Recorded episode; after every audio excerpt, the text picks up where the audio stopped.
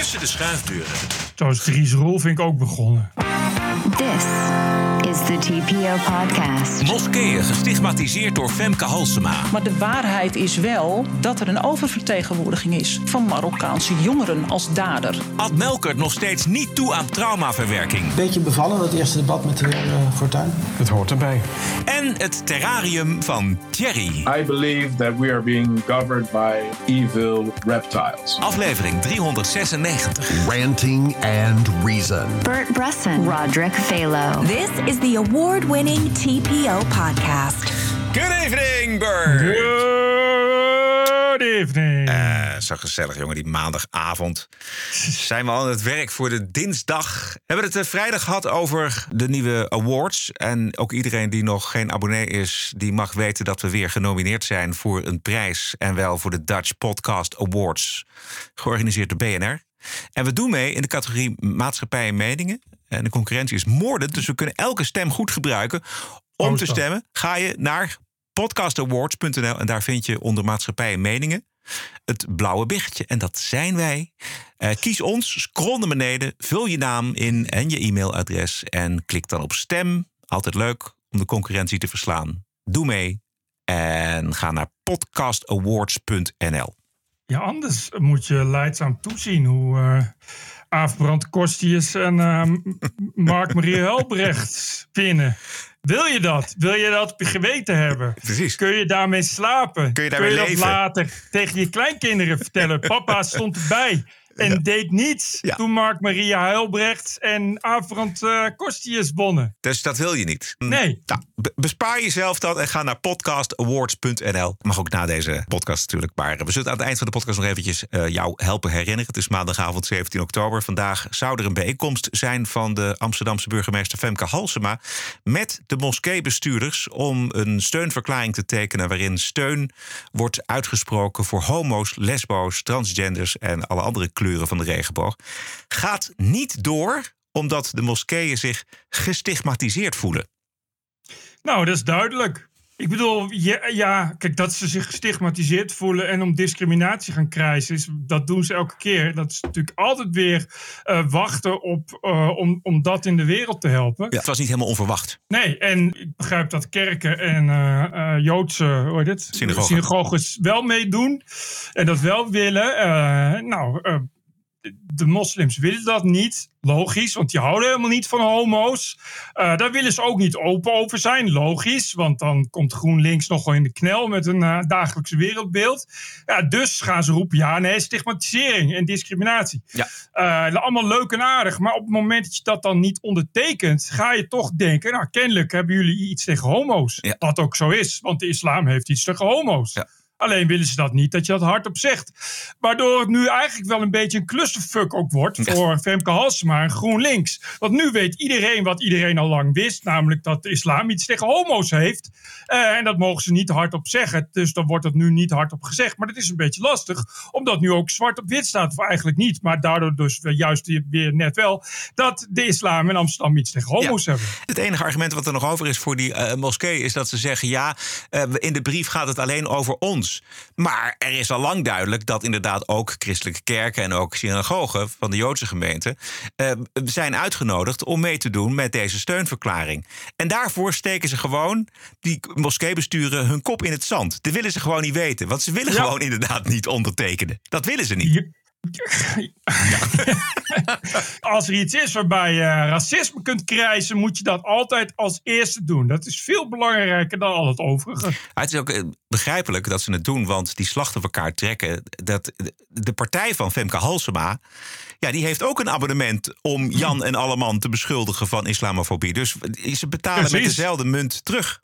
Nou, dat weten ze natuurlijk ook donders goed. Dat uh, als er nou iets uh, ingaat als Gods woord in een ouderling, is het wel de beschuldiging van islamofobie. Ja. Dat is ook de reden waarom ze echt om elke komma die je ook maar in de richting van de islam uh, maakt tegenwoordig, dat ze om islamofobie en discriminatie gaan ja. gillen. Ja. Omdat dat nou eenmaal aanslaat. En als er in Nederland het woordje islamofobie valt, dan is iedereen meteen in morele paniek en gaan ze op de knietjes en gaan ze bukken. Dat zien we nu ook bij die uh, aanvoerder van Feyenoord.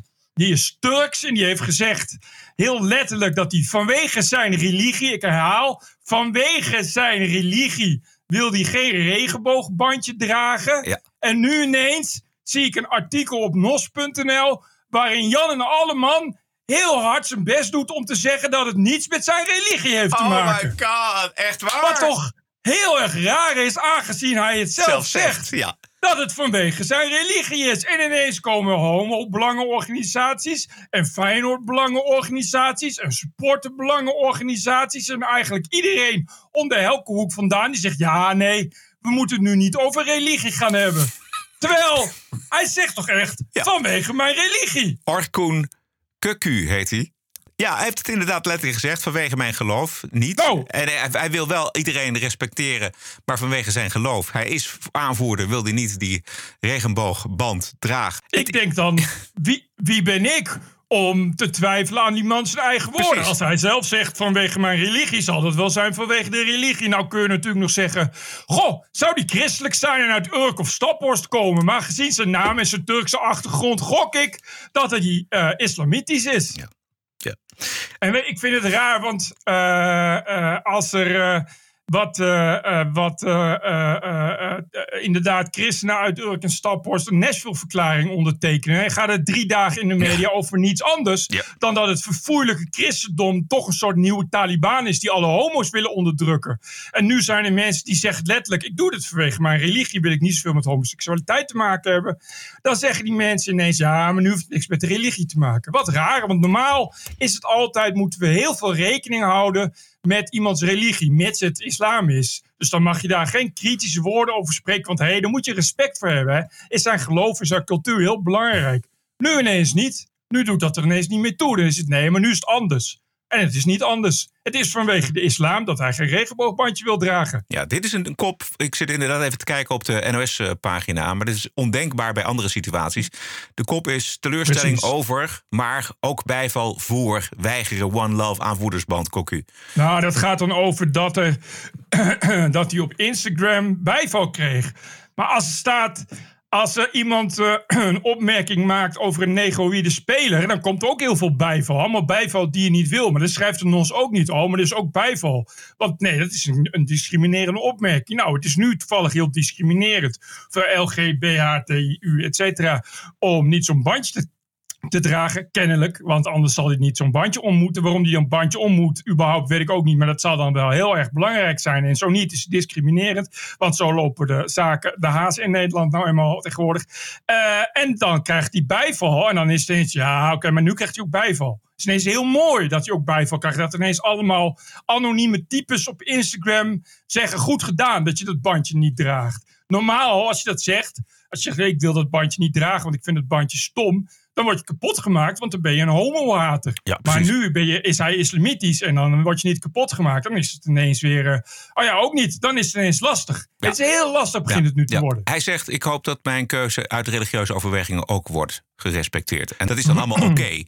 Het, kijk, het grappige is. Iedereen die met homohaat te maken heeft gehad in de straten, op straat, die weet wat voor eh, types dit zijn. En we hebben een rapport gehad in Amsterdam. Waaruit blijkt dat intimidatie en het geweld vooral uit islamitische hoek komt. Klinkt zo. Kankermoeders.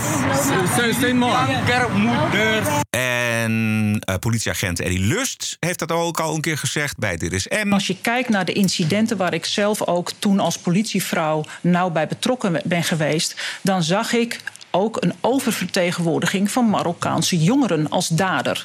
En dat blijkt een heel lastig te noemen ding te zijn. Omdat je ook niet wil dat andere Marokkaanse jongeren die het wel hartstikke goed doen, ook dat label krijgen en ook dat stigma krijgen.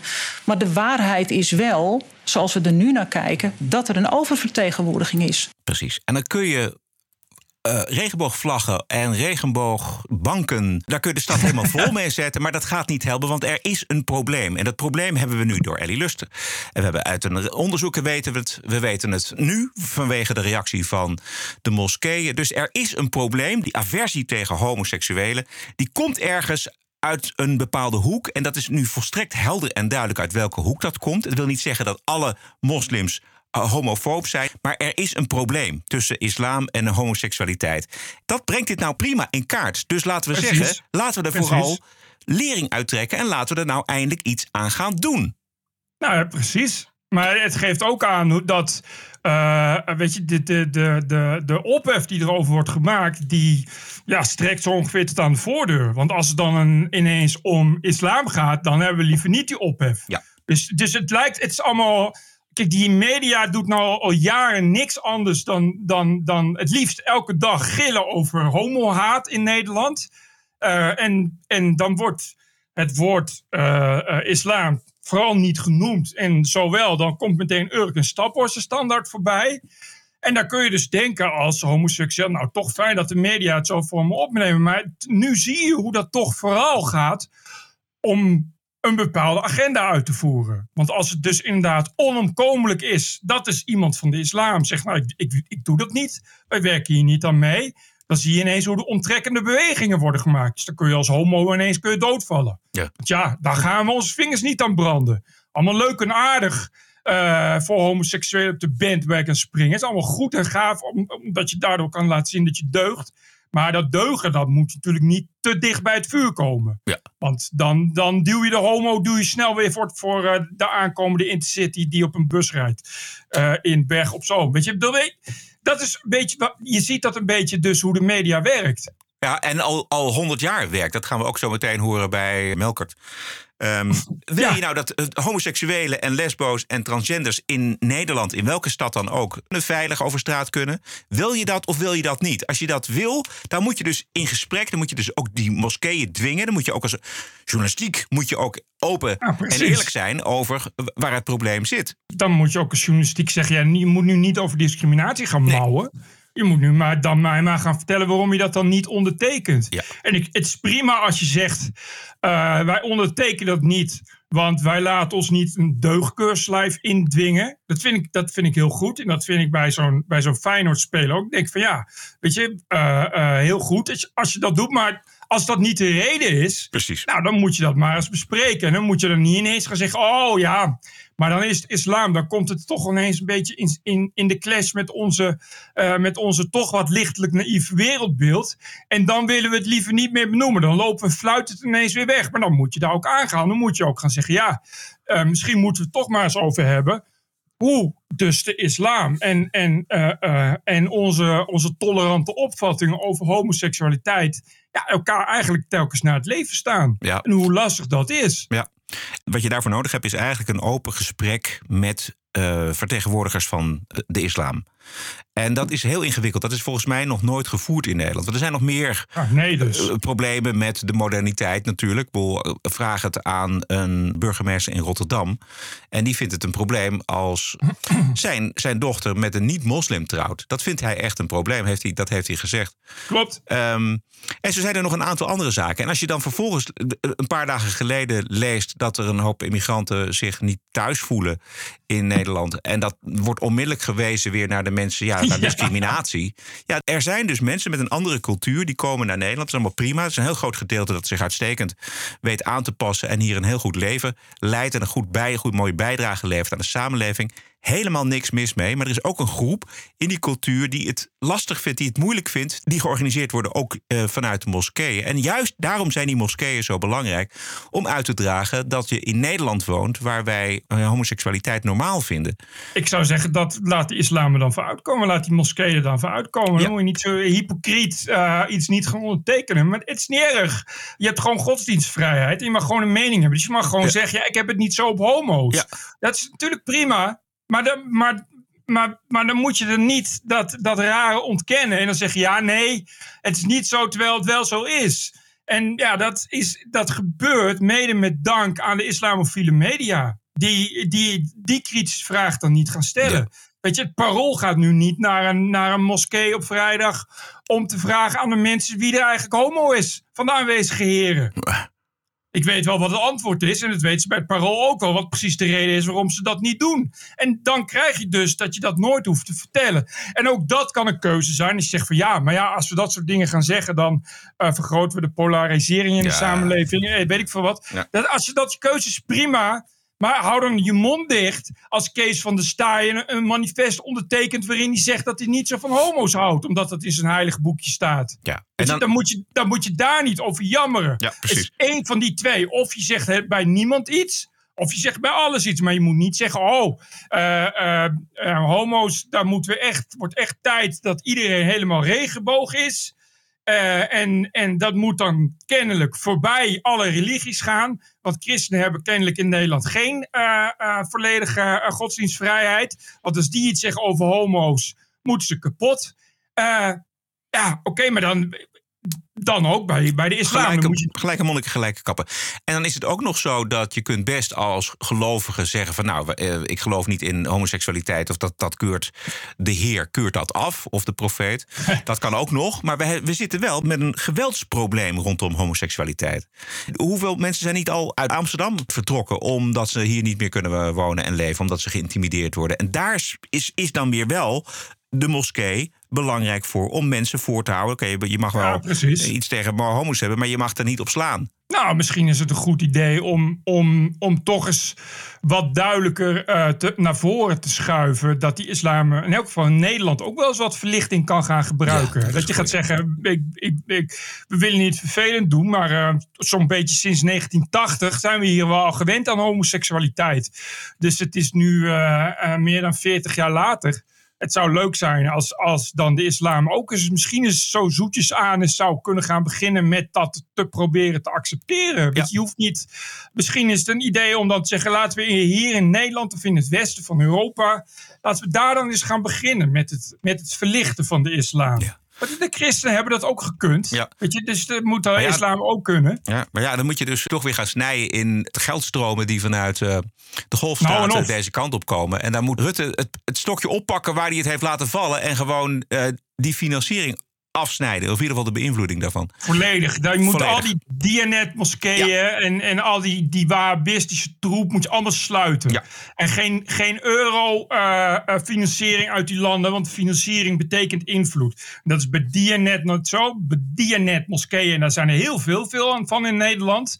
Eh, en het is net als... eh, Femiso wordt er gedaan alsof het allemaal leuk en aardig is. Een leuke club van een soort kerkenraad. En dat is niet zo. Het is gewoon een, een controleorgaan van Erdogan. Van En islamisten. de, van de Turkse islamisten. Ja. Dus dan moet je daar ogenblikkelijk mee ophouden. En dan moet je zeggen: luister, als je hier een moskee wilt bouwen. En we zijn al ruimhartig. Want het zijn niet allemaal even kleine moskeeën. Nee. Hè? Dus het is nou ook niet zo dat, dat we zeggen: van nou, je moet het alleen binnen kamers houden. Dus je mag er ook nog flink mee bezig zijn. Het is nou ook niet zo dat we de afgelopen pak een beet. Nou, 75 jaar ook maar ooit een één moslim een strobreed in de weg hebben gelegd. Nee. Integendeel, nou dan zou je ook eens een keer kunnen zeggen, nou oké, maar goed, als je hier bent, wij vinden die gelijke rechten heel erg belangrijk. En we hebben steeds meer het idee dat gelijke rechten, ja, toch een beetje worden tegengewerkt door jullie religie. Dus het is misschien eens een idee om daar eens wat rauwe kantjes van af te halen. En dan kun je dat ook prima natuurlijk tegen, tegen, eh, tegen fundamentalistische christenen zeggen. Alle 150.000. Dan kun je ook zeggen van nou, dit soort, dit soort revo-scholen waar eh, homoseksualiteit nog steeds wordt gebashed, willen we ook niet hebben. Ja. Dus die, daar, daar gaan we ook wat aan doen. Ja, doe er dan wat aan. Dan moet je niet zo schijnheilig blijven doen. Ja. Dan moet je er gewoon voor uitkomen. En dat kan niet. Want D66 en GroenLinks, de liberale partijen, waar, waar al deze eh, vrolijke homotolerantie vandaan komt, die zijn inmiddels al lang en breed geïnfiltreerd door gehoofddoekte islamisten. Dus ja, wat wil je dan nog? Ja, dat is de grote vraag, natuurlijk de hamvraag. Zou de linkse politiek, met name dan D66 en GroenLinks... eh, hier iets van opsteken? Zouden ze denken van, oh ja, misschien Nee. is het toch nog wel iets. Eigenlijk weten ze dat wel volgens mij, maar het is natuurlijk allemaal weer van eigen belang om die mensen binnen te halen en eh, vriendjes te zijn met, eh, Dit- met de nee, islam. ik- je kan nu de reacties wel uittellen. Het is allemaal weer rechtse pers en extreem rechtse Oh meningen op social media. En verkeerd begrepen. Ik las in de kanttekening, dat is een, eh, een Erdoganeske Turkse courant in Nederland.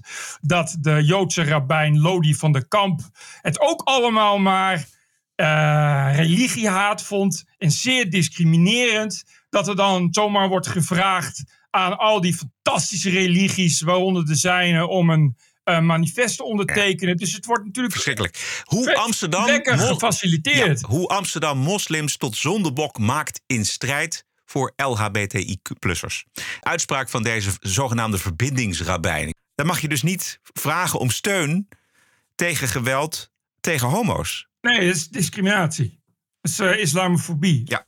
Ja, maar en ik, ik vind misschien moeten we ook eens een ander debat gaan voeren. En wat meer energie steken in het voeren van een ander debat. In plaats van het continu uitdelen van regenboogbandjes en regenboogbanken. Want dat weten we nu wel. En de hysterie die volgt op zo'n Feyenoord spelen. Die daar eigenlijk in de eerste tot en met de 123ste plaats is. Omdat hij doelpunten kan scoren. Alleen omdat hij niet een bandje wil dragen. Vind ik eerlijk gezegd ook behoorlijk onsmakelijk worden. Het begint een beetje vermoeiend te worden. Zo'n deugdcircus waarin het een soort zwart-wit spelletje wordt. Dat iedereen die niet bereid is om in zo'n infantiel, uh, op zo'n infantiele deugdkaravaan te springen. Uh, uh, ja, eigenlijk meteen wordt, wordt weggezet als homofobe homopotenrammen. Weet je, Laat die lui gewoon met rust. Weet je, en pak het echte probleem aan. We weten waar, nou. waar het geweld en de intimidaties vandaan komen. Dat, weet, dat weten we nou wel. Ja, uit Qatar. Boycott Qatar. Weet je, dat, dat zou nou eens echt... Dan hoef je echt de komende 300 jaar... geen enkel regenboogbandje meer uit te delen. Ook niet via KRO Via helemaal niemand. Als je nou gewoon zegt... Weet je wat we doen? We doen niet mee met het WK. Juist. Punt. Waarom? Omdat ze in Qatar homo's haten. Dan maak je je statement. Gaat de hele wereld over. Herinneren ze zich over 100 jaar nog. Iedereen blij. Nou, behalve in Qatar. Want dan kunnen ze uh, minder bouwvakkers uh, onderdrukken. En minder mensenrechten schenden. En minder geld verdienen aan het feit dat iedereen uiteindelijk toch te dom is. Om, om te begrijpen dat je naar een staat als Qatar. dat je daar niet een voetbalwedstrijd moet organiseren. Maar dat is zijde. Weet je, dan ben je bezig. En hoe lang ingewikkeld het al is, het gesprek over dit soort zaken, merkten wij afgelopen dagen weer toen oud-PVDA-leider Ad Melkert liet zien eh, dat hij zich opnieuw disqualificeert voor de rest van zijn leven met een interview met Koen Verbraak. Waarin hij zegt dat uh, hij echt geen idee heeft wat er nou precies mis is gegaan met de Partij van de Arbeid in 2002. Tijdens die glorieuze overwinning van Pim Fortuyn. Volgens Melkert was Fortuyn de voorloper van Donald Trump. En uh, hij zegt ze bespelen ja. de onderbuik. Uh, Fortuyn... Verder was het extreemrechtse media ja, schuld. Precies, exact. Buitensporige media-aandacht. Het is ongelooflijk dat deze man dat dit, dit, nog steeds zo denkt. En geen moment denkt van... God, wat heb ik er nou eigenlijk zelf aan bijgedragen? Ja, dat... Aan, dat, aan dat debakel van de Partij van de Arbeid. Je had daar een goede tweet over. Je, jij twitterde...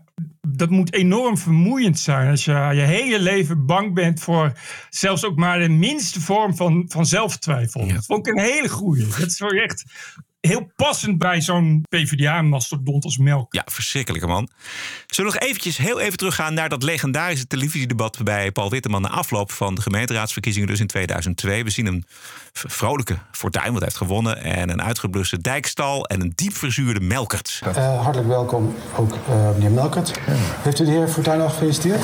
Nou, ik wou iedereen, het is een goede democratische gewoonte om iedereen uh, te feliciteren. Maar nee, mijn vraag was, als u de heer Fortuyn geluk wenst, hoe geloofwaardig is dat als u hem eerder deze week aangaande zijn uitlatingen zo stevig heeft bekritiseerd? De geloofwaardig... Met woorden als asociaal. De geloofwaardigheid ligt in de democratische gewoonte. En uh, het belang daarvan ook. Mm -hmm. Dat mensen uiteindelijk kunnen kiezen. Dat geldt dus ook voor Rotterdam, dus ook voor de mensen. Ja, maar ze hebben niet voor een asociale man gekozen. En wat ik heel leuk vind in Rotterdam. Ik dacht dat ik het woord uh, nog had, of, ja. uh, zie ik dat verkeerd? Dat we met de soort nou, ik zou dus willen zeggen, meneer Witteman, ik hoop dat u een beetje orde weet te houden. Want de heer Fortuyn die heeft er een gewoonte van om door anderen heen te praten. Dat vind u ik niet zo leuk. ervaring al eerder. Ja, Bent u even niet bereid hem aan te kijken?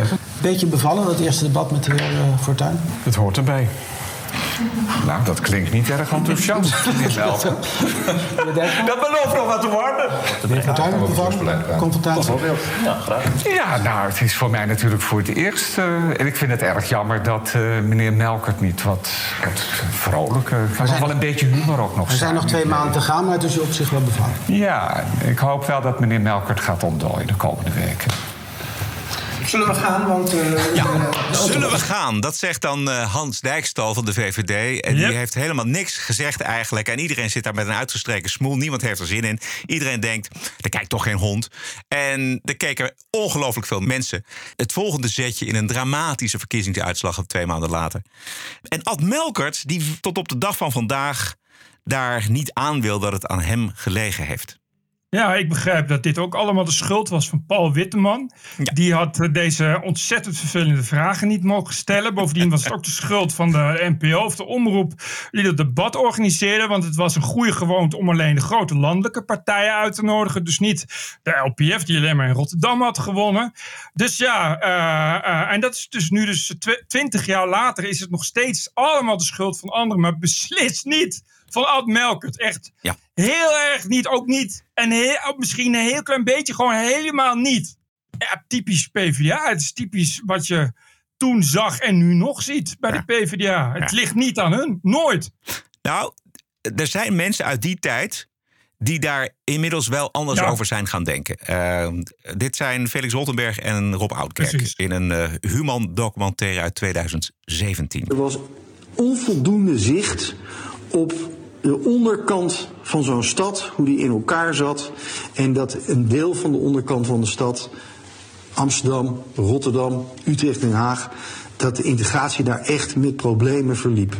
En het benoemen van die problemen werd door de Partij van de Arbeid gezien als een aanval op een bevolkingsgroep. Het werd door, door, door leidende mensen in de Partij van de Arbeid werd dat, werd dat zo geïnterpreteerd. Fortuyn had gelijk. Jazeker, ik ben heel laf geweest. Maar dat was een lafheid die in die tijd uh, normaal was. Ik mocht in die tijd lijsttrekker zijn voor de Partij van de Arbeid in Amsterdam.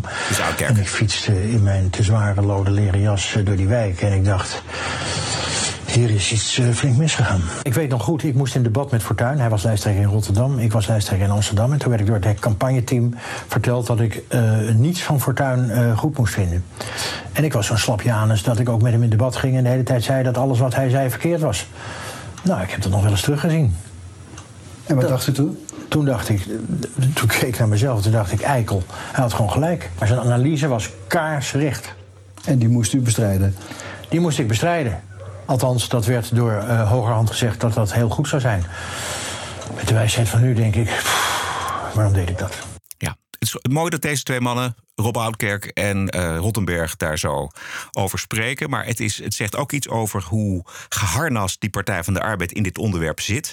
Nog steeds. En niet alleen Partij van de Arbeid, natuurlijk ook GroenLinks D66. Hoe eng ze het vinden om erover te praten. Dat zie je nu ook weer met de moskeeën en het ondertekenen van die verklaring. Het lukt gewoon niet. Het lukt niet. Je mag er niet over spreken. En iedereen die er wel over spreekt, is zoals Fortuyn werd gekenmerkt als extreem rechts. Ja, precies. Ja, maar dat is nog steeds zo die manier van denken is. Zou ik, laatst was die de uh, hoofdredacteur van Omroep Brabant. Die is fan van ons en die noemt ons wel eens. Die zit dan bij Radio 1 bij zo'n bij zo'n verschrikkelijk panel, weet je wel. Uh, en die, die, die uh, raden dan aan om onze podcast te luisteren. En dan zegt die presentator ook: Oh, dat zullen dan wel fans zijn van Ongehoord Nederland. Oh, ja. Je, ja. Wat, wat echt, ja. En, en hij, ik sprak hem daarna ook. En hij zei ook van ja, ja, dit is natuurlijk wel nog steeds een beetje hoe op zo'n mediapark wordt gedacht. En door heel veel mensen. Ik, ik, uh, ik heb wel echt ook mensen gesproken die, die dan dat, die zeggen van doe je en zeg je de post online. En zeggen ze, oh, dat kom ik principieel niet. Ja, ja, ja, ja. Weet je dat? Ja, precies. Ja, het is zwart ja, ja, allemaal, het komt allemaal uit de oorlog uh, vandaan, uh, Bert. Het is, je bent nou goed of je bent fout. Nee, zo is het je Wil echt, nee, maar je wil echt niet weten hoeveel mensen nog altijd vinden... dat de Telegraaf fout is, dat ze fout waren in de oorlog. En dat een, een, normale opmerking vinden om te zeggen. Want je, dat was leuk in 1973. Maar als je het in 2022 nog steeds zegt... ben je natuurlijk niet goed snik. Nee. Maar dat is wel in de bubbel waar die mensen leven. Dat gaat natuurlijk op van generatie op generatie gaat dat zo door. Je, je, wordt zo opgevoed ja. en dat neem je dan over. Het is altijd makkelijk als je geen argumenten meer hebt om dan uh, met dit soort zaken te komen.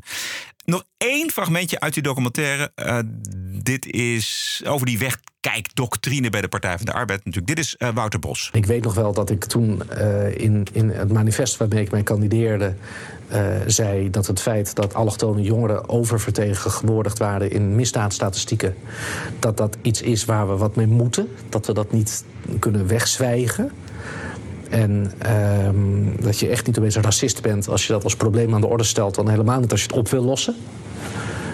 Maar dat op de dag dat ik dat deed, ik door een paar oudere partijgenoten aangesproken werd en zeiden: Nu je dit gedaan hebt, word je natuurlijk nooit partijleider. Dit is het einde van je poging om partijleider. Want dit gaat niet werken in de partij. Dit kan niet. Dit, dit, dit, hier graaf je je eigen graf mee.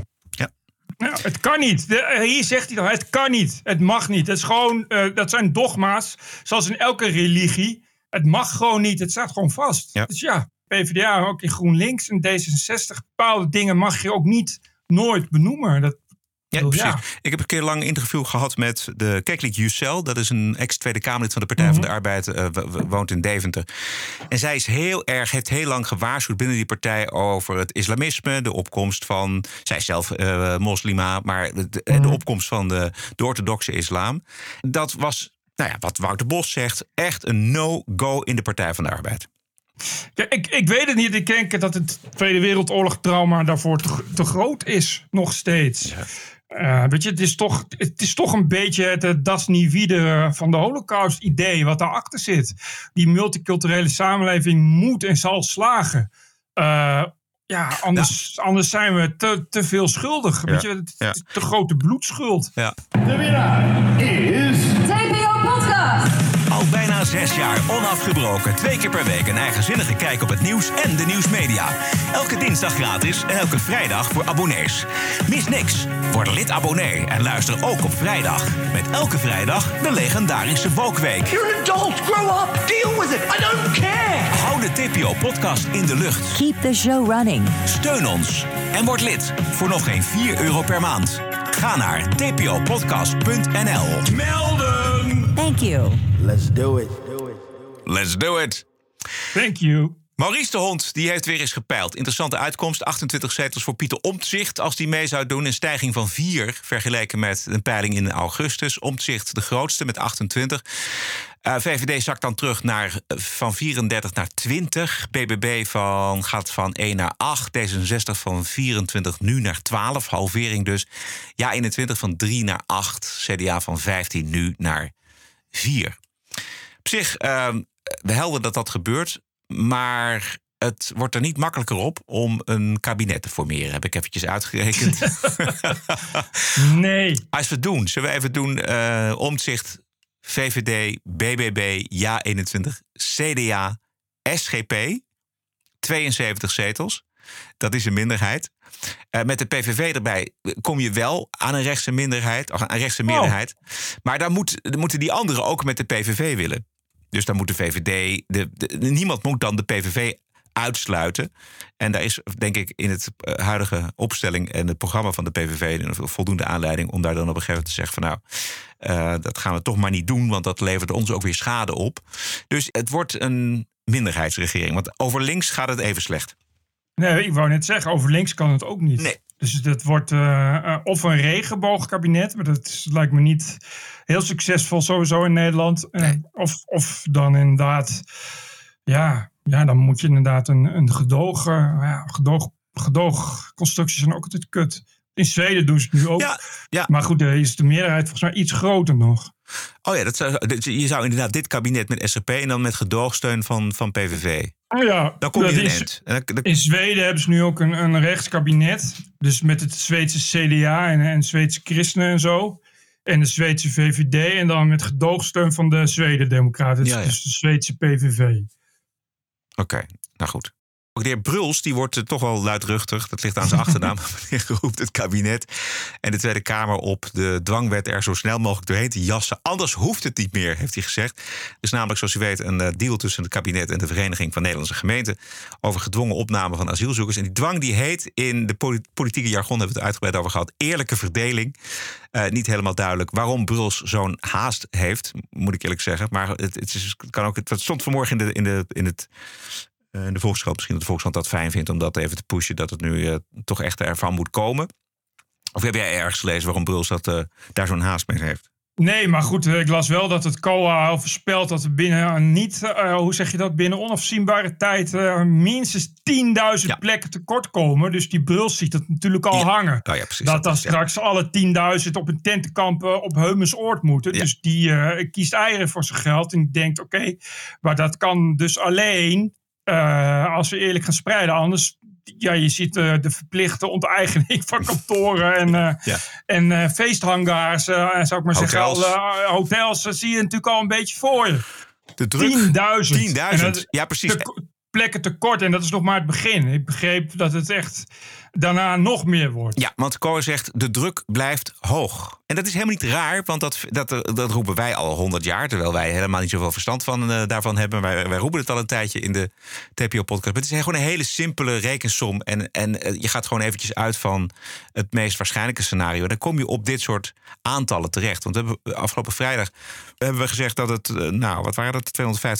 250.000 in ieder geval in de eerste negen maanden Europa zijn binnengekomen... vanuit Afrika, illegale immigranten. En die, gaan, ja, die kunnen straks niet meer naar Zweden. Die kunnen niet meer naar Denemarken. Die kunnen straks ook niet meer naar Engeland. Dus die komen gewoon weer bij het Inter Apel. En dat zouden er best eens 100.000 kunnen zijn. Liggen nu al, moeten ze buiten slapen. Ja, en dan kun je de dwangwet voor elkaar krijgen. En je kunt, uh, zoals Hugo de Jonge zegt, uh, hoe noemde hij dat nou? Uh, tandje erbij. Dat kun je, je kunt 100 tandjes erbij doen. Maar met 100.000 asielzoekers op de stoep bij Ter Apel, dat doe je niks.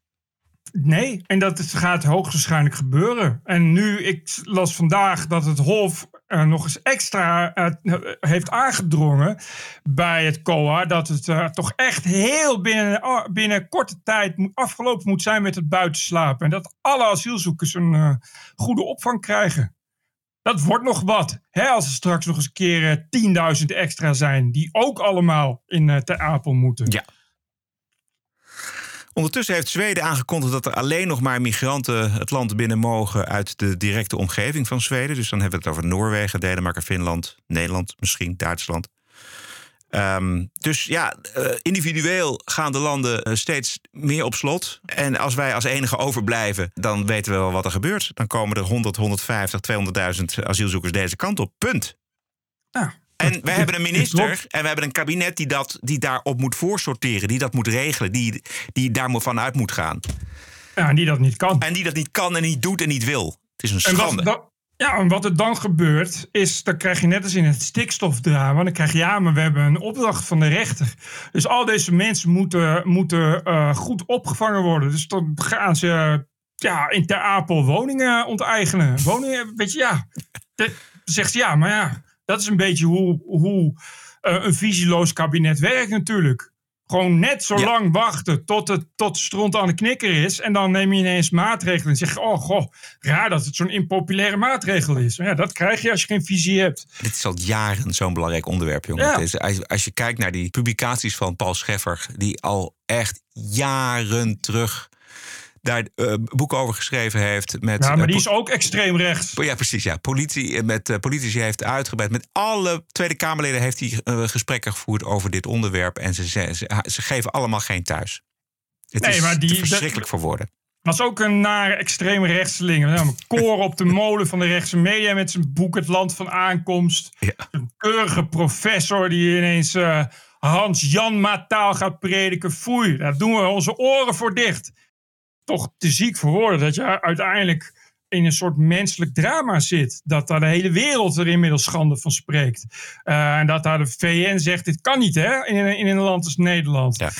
Uh, en, en dat uh, Artsen zonder Grenzen moet worden opgetrommeld. Nou oké, okay, toe. De voorzitter van Artsen zonder Grenzen is dan toevallig iemand die voor GroenLinks in het Europarlement zit. Dus je zou haast denken dat het ook een politieke actie is, maar zwart. 100 jaar kun je praten en je kunt duizend dingen doen om mensen op te vangen. Maar als je de onbeperkte toestroom van asielzoekers niet indampt, dan blijf je met dit probleem en dan wordt het probleem alleen maar groter. Nee, maar het is ook echt wat je zegt. Weet je, je Paul Scheffen, je hebt ook uh, Jan van de Beek en, en Jan ja. Latte. Weet je, die jaar in, jaar uit, elke dag grafiekjes laten zien. Ja. Zo ziet Nederland eruit over een paar jaar. En niks ermee doen. Je zou bijna gaan roepen om tribunalen. nou, nou ja. Maar, en, en, maar de, de media ook. Weet je, het is vooral slachtoffers. Ja, die, we gaan nog maar, we gaan, we doen iets, doen iets heel unieks. We sturen verslaggevers naar Lesbos. En die gaan we dan aan mensen vragen of ze heel zielig zijn. Ja. En ja, zeggen die mensen, we zijn heel zielig. Artikel klaar. Ja. ja, ik, ik had het erover. Uh, uh, Kleis Jager, die is nu aan een prachtig artikel bezig voor TPO. Want er is in, in Parijs een 12-jarig meisje. Ja. Uh, met doorgesneden keel gevonden in een koffer. En die mensen die dat gedaan hebben, zijn Algerijnen. En dat schrijft bijna niemand op, Algerijnen. Terwijl hij zegt dus ook van ja, dat is nou precies het probleem. Want uh, waar het gebeurde, is een plek in Parijs waar al heel lang heel veel migranten lopen. En ook heel veel mensen met psychische problemen. Dus iedereen weet dat dit eraan zat te komen. En dat, dat benoemen we dan niet. En ja, zo gaat het in Nederland met, met asielzoekers net zo. Ja. Dat benoemen we dan niet. Dan gaan we alleen maar gaan we eromheen, wat er omheen gebeurt, schrijven. Maar we zeggen dan niet van, goh, je, hoe komt dat probleem eigenlijk tot stand? En hoe kunnen, we dat, hoe kunnen we dat eens anders doen? Nee, dan wachten we net zo lang, net als in Zweden, dan wachten we net zo lang tot de meerderheid dan op, op de meest rechtse partij stemt. Zodat die meest rechtse partij een vinger heeft in de regering en zegt, oké, wat we gaan doen is gaan we het aantal immigranten drastisch beperken. Dat is waar het op gaat uitlopen. Dus bedoel, we hebben net al gezegd, 28 zetels voor Pieter Omtzigt. En dat is niet omdat je van het CDA is, denk ik zo. Nee. En je kunt het allemaal zelf bedenken. Het mooie zou zijn als uh, Ruben Brekelmans uh, toch niet voor deze wet gaat stemmen. Dat er een kabinetscrisis ontstaat. En dat er toch nieuwe verkiezingen komen. En dat we premier Omtzigt krijgen met 28 zetels. En dat is misschien het begin van iets anders. Bert Brussen, Roderick Balo. Ranting and Reason. This is the TPO podcast. Dit was uh, Kiev vanmorgen. Ik dacht dan, hoe zou het zijn om wakker te worden met gewoon inderdaad een luchtalarm. Echt luchtalarm. Niet één keer in de maand, maar gewoon onverwacht. Eh, ik zag ook nog een kamikaze drone. Ja. Uh, dat klinkt zo. Ze proberen die, dat kamikaze drone proberen ze kapot te schieten. Het lukt niet. Dat is niet te geloven, jongen. Dat is, dit is totale zinloze terreur van zo'n Poetin. Dat is onvoorstelbaar. En dat we dan in, in Nederland iemand hebben die dat allemaal uh, geweldig vindt. En, en, een held. En het mooiste wat hij, wat hij in, in jaren gezien heeft. In zijn leven gezien heeft. Dat is fijn dat dat dan in het parlement zit. Dat Ja. je daar dan niks meer tegen kunt doen. Ja. Hé, dat is echt ideaal. En we hadden al een lange arm van, vanuit Ankara. Dus nu hebben we een lange arm van Ankara en uit Moskou. Ja. Twee richtingen met lange armen. We horen hem zo. Ik las in Noorwegen is vorige week een Rus aangehouden met drie paspoorten en twee drones. Eh, dat meldt Deutsche Welle. De afgelopen weken zijn er talloze drone-waarnemingen ook in Noorwegen geweest, in de buurt van Noorse offshore Oh ja. olie-gasplatforms en zo. En de man werd aangehouden bij de routinecontrole in de, het uiterste noorden van eh, Noorwegen, de enige grensovergang met Rusland. Ik ben daar geweest, ooit, in 1977. Eh, in de, in de, toen de Koude Oorlog nog was, maar toen was ik op vakantie daar heel hoog. Zeker wel koud dan, of niet? Ja, nou, het viel was in de zomer. En dan heb je daar de Ah. prachtige mid- midzomernachtzon. Ja, precies. Fantastisch. Die drones komen uit Iran. En Iran zegt ze zijn niet van ons. Dus dan weet je dat ze uit Iran komen. Precies, ja. Dat geeft toch wel een hele fijne nieuwe dimensie aan, eh, aan de oorlog. Je gaat huilen en denken aan een wereldoorlog. Zoveel mensen als er inmiddels bij betrokken zijn. Iran eh, levert niet alleen die drones, wat dus natuurlijk niet Oh ja. kan. Eh, maar ook, eh, heeft ook mensen op de grond in Rusland aan de Oekraïnse grens. Om eh, die mensen daar op te leiden met die drones. Dus ja, dat is dus, dus een volledige serieuze bemoeienis van Iran met, met de oorlog in Oekraïne. En ik las vandaag al dat eh, de EU op zijn zacht gezegd niet echt is te spreken over de bemoeienis van Iran. Zouden er nog eh, Europese landen zijn met eh, betrekkingen met Iran? Dat weten we wel. Europa, Nederland heeft volgens mij betrekkingen met Iran. Unilever. Unilever, niet te vergeten. Wat, wat, wat doen die mensen daar nou nog? Ik bedoel, er is daar meer aan de hand dan alleen het ondersteunen van Poetin. Er gebeuren daar meest gruwelijke dingen met jonge meisjes Ja. en vrouwen. Dus Ja. hallo Unilever, hallo! Iedereen is tegen Iran, maar Iran is, eh, als je daar al eh, aan- iets beledigends aan denkt, wordt ze al woest. dus diplomatiek ligt vrijwel alles met Iran gevoelig. En je wil geen oorlog met Iran om de dood eenvoudige reden, omdat daar zo'n beetje kruidvat is. Daar betrek je ook meteen Turkije erin, om maar eens wat te noemen. Eh, eh, eh, ISIS-gelederen uit Syrië, eh, Irak, het stabielste land ter wereld, ik noem maar wat. Afghanistan. Ja. Het is een gebied waar je geen oorlog wil, om nog maar te zwijgen over het feit dat eh, Iran nogal wat eh, slagkracht kan toebrengen. Dat gaat heel erg pijn doen voor, eh, Uh, dus dat, dat proberen ze natuurlijk met alle macht te voorkomen. Ze doen daar heel omzochtig mee. Ze zijn natuurlijk al lange tijd bezig ook met die atoomdeal, die maar niet opschiet. Uh, en op het moment dat je Iran tegen in het harnas jaagt, zeggen de Iranees: oké, we gaan lekker verder, snel verder met het knutselen aan de atoombom de man die voor Rusland bij de VN zat, de VN-ambassadeur, die is opgestapt. Die zei dus van ja, dat is. Je moet geen staakt het vuren met uh, Poetin gaan afspreken. Want dat geeft hem alleen maar meer tijd om de boel te hergroeperen. En daar komt hij alleen maar sterker uit voor. Dus dat moet je niet doen. Ja, en hij zei ook uh, dat het allemaal extreem instabiel aan het worden is in Rusland. En dat uh, zelfs als je Poetin wegkrijgt, dat het dan uh, wel eens een burgeroorlog kan worden bij de volgende leider. Ja. Ja. Uh, het was weinig positief wat hij te melden had in elk geval. Bonusquotes. Jij stuurde mij een paar leuk ehm, voor de Wokweek, maar die, die zijn voor vrijdag dan. Ja, nee, precies. ja, nee. This is the TPO podcast. In de krochten van het internet werd gevonden, vandaag volgens mij, een gesprek met FVD-voorman Thierry Baudet. Waarin hij erkent dat zijn politieke ideeën tegenwoordig eigenlijk op niets anders gebaseerd zijn dan op samenzweringstheorieën. Geen feiten, maar samenzweringstheorieën. Dit is het terrarium van Thierry Baudet. So I'm a conspiracy theorist. I believe that we are being governed by a global conspiracy of evil reptiles. Ik ben zo blij dat hij dat zegt. Want de mainstream media schrijft daar nou nooit eens over. Ja. Het gesprek is nu nog veel langer, maar ik had geen zin meer in om het helemaal. Uh, het is, we hebben het uh, afgelopen vrijdag heel uitgebreid over uh, Baudet gehad met zijn uitspraken. Ja, ja dus. Uh, ja, hij bejubelt Poetin. Ja. Hij zegt letterlijk dat Poetin is de Dark Knight. Ja. Die een epische strijd levert tegen de kwade krachten. Wat dus kennelijk het Westen is. en het Westen zijn, zoals je dus zoals iedereen natuurlijk al lang weet, gemaskerde reptilians. Uh, ja, ja. ik weet eigenlijk niet, je, je kan daar niet echt iets. Ik vond het een beetje. Ik had, hij was ook overduidelijk dronken of, of niet helemaal goed. Uh, kan zijn dat hij een TIA had of een hersenbloeding. Bij, raar. Hij kwam, keek heel raar uit zijn ogen. Dus ik dacht wel, dit is al iemand die hulp nodig heeft. Een bescherming. Ja, ja, ja, je weet dat de GGZ in Nederland, ja, ja.